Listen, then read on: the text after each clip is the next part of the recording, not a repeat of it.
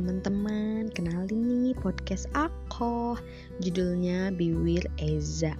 Biwir ini dalam bahasa Sunda artinya bibir.